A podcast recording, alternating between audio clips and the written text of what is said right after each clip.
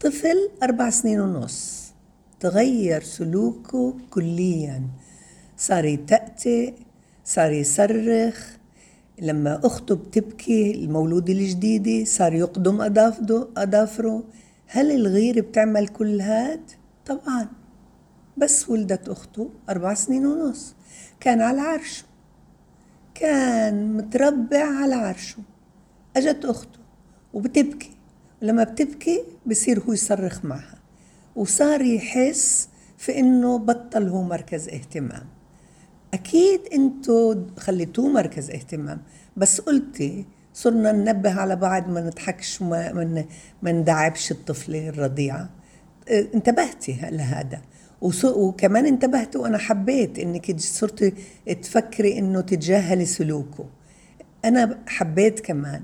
وكمان انبسطت منك إنك صرت تعملي دراما. بس بدك تعرفي هذا الإشي بينقضاش عليه بيوم.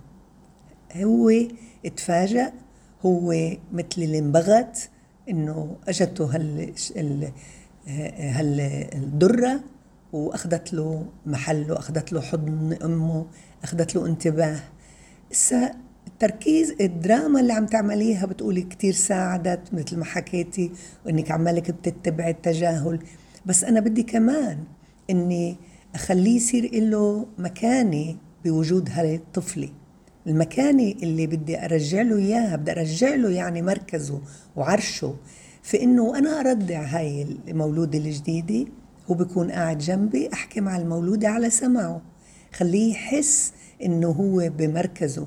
انت شو سمعتي أخوك وسمي اسمه. كيف بيحكوا قصة؟ تعلمي منه. هون انت قاعدة بتعززي ثقته بنفسه وقاعدة بترجعي له سلامه الداخلي لأنه تزعزع سلامه تزعزعت طمأنينته لما بدك تغيري لها كمان للمولودة انت شفتي أخوك كيف بيفتح الجرور؟ انت بتعرفي تفتحي الجرور؟ طلع كيف بيفتح الجرور وبيساعدني. رح يطلك إسا الحفاضات أنا لولا أنا بقدر أعمل هاد رجعتي له مركزيته رجعتي له قيمته. لما بدك تروحي على الاستحمام نفس الشيء. شوفي كيف عم بحضر المنشفة.